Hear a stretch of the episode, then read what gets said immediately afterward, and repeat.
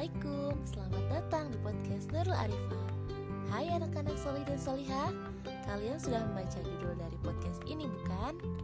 Podcast pertama ini akan membahas tentang Yap, betul sekali Kita akan membahas tentang Microsoft Office yang sering digunakan Sebelumnya, apa kalian tahu apa arti dari Microsoft Office? Pasti sudah tidak asing lagi bukan? Ya, Microsoft Office adalah perangkat lunak aplikasi perkantoran yang sering digunakan, baik pelajar juga pekerja, untuk membantu dalam menyelesaikan pekerjaannya dan juga tugas.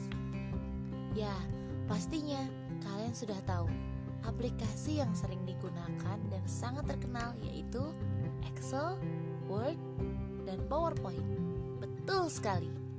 Tentunya ketiga Microsoft yang tadi disebutkan memiliki fungsi yang berbeda-beda untuk memudahkan tugas setiap penggunanya.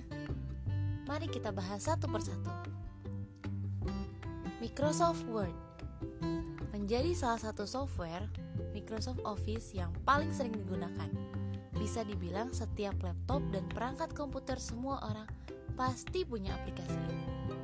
Bertujuan untuk mengolah kata, Contohnya, membuat surat, membuat dokumen, dan lain-lain.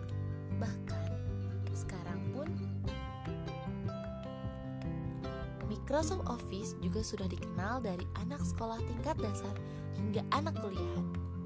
Selanjutnya, Microsoft Excel merupakan aplikasi untuk pengolahan data berupa perhitungan angka maupun grafik.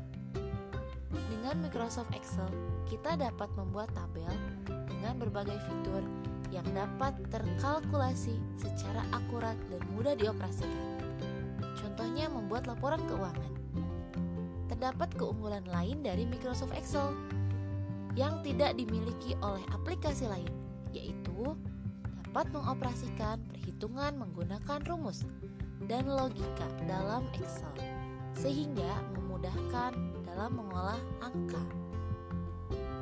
Selanjutnya, Microsoft PowerPoint merupakan aplikasi media presentasi dengan menggunakan slide. Aplikasi ini memudahkan pengguna dalam presentasi karena terdapat fitur-fitur yang membuat presentasi menjadi lebih menarik. Beberapa keunggulan lainnya yaitu Microsoft PowerPoint akan tampak sangat lebih menarik jika disisipkan suara dan animasi-animasi yang beragam untuk presentasi. Dan dokumen PowerPoint bisa menjadi video. Alhamdulillah, sangat senang rasanya bisa belajar podcast ini bersama. Terima kasih telah mendengarkan podcast kali ini. Dan nantikan podcast berikutnya ya. Semoga materi Microsoft Office yang sering digunakan kali ini dapat bermanfaat dan dapat kita langsung praktekkan. Wassalamualaikum warahmatullahi wabarakatuh.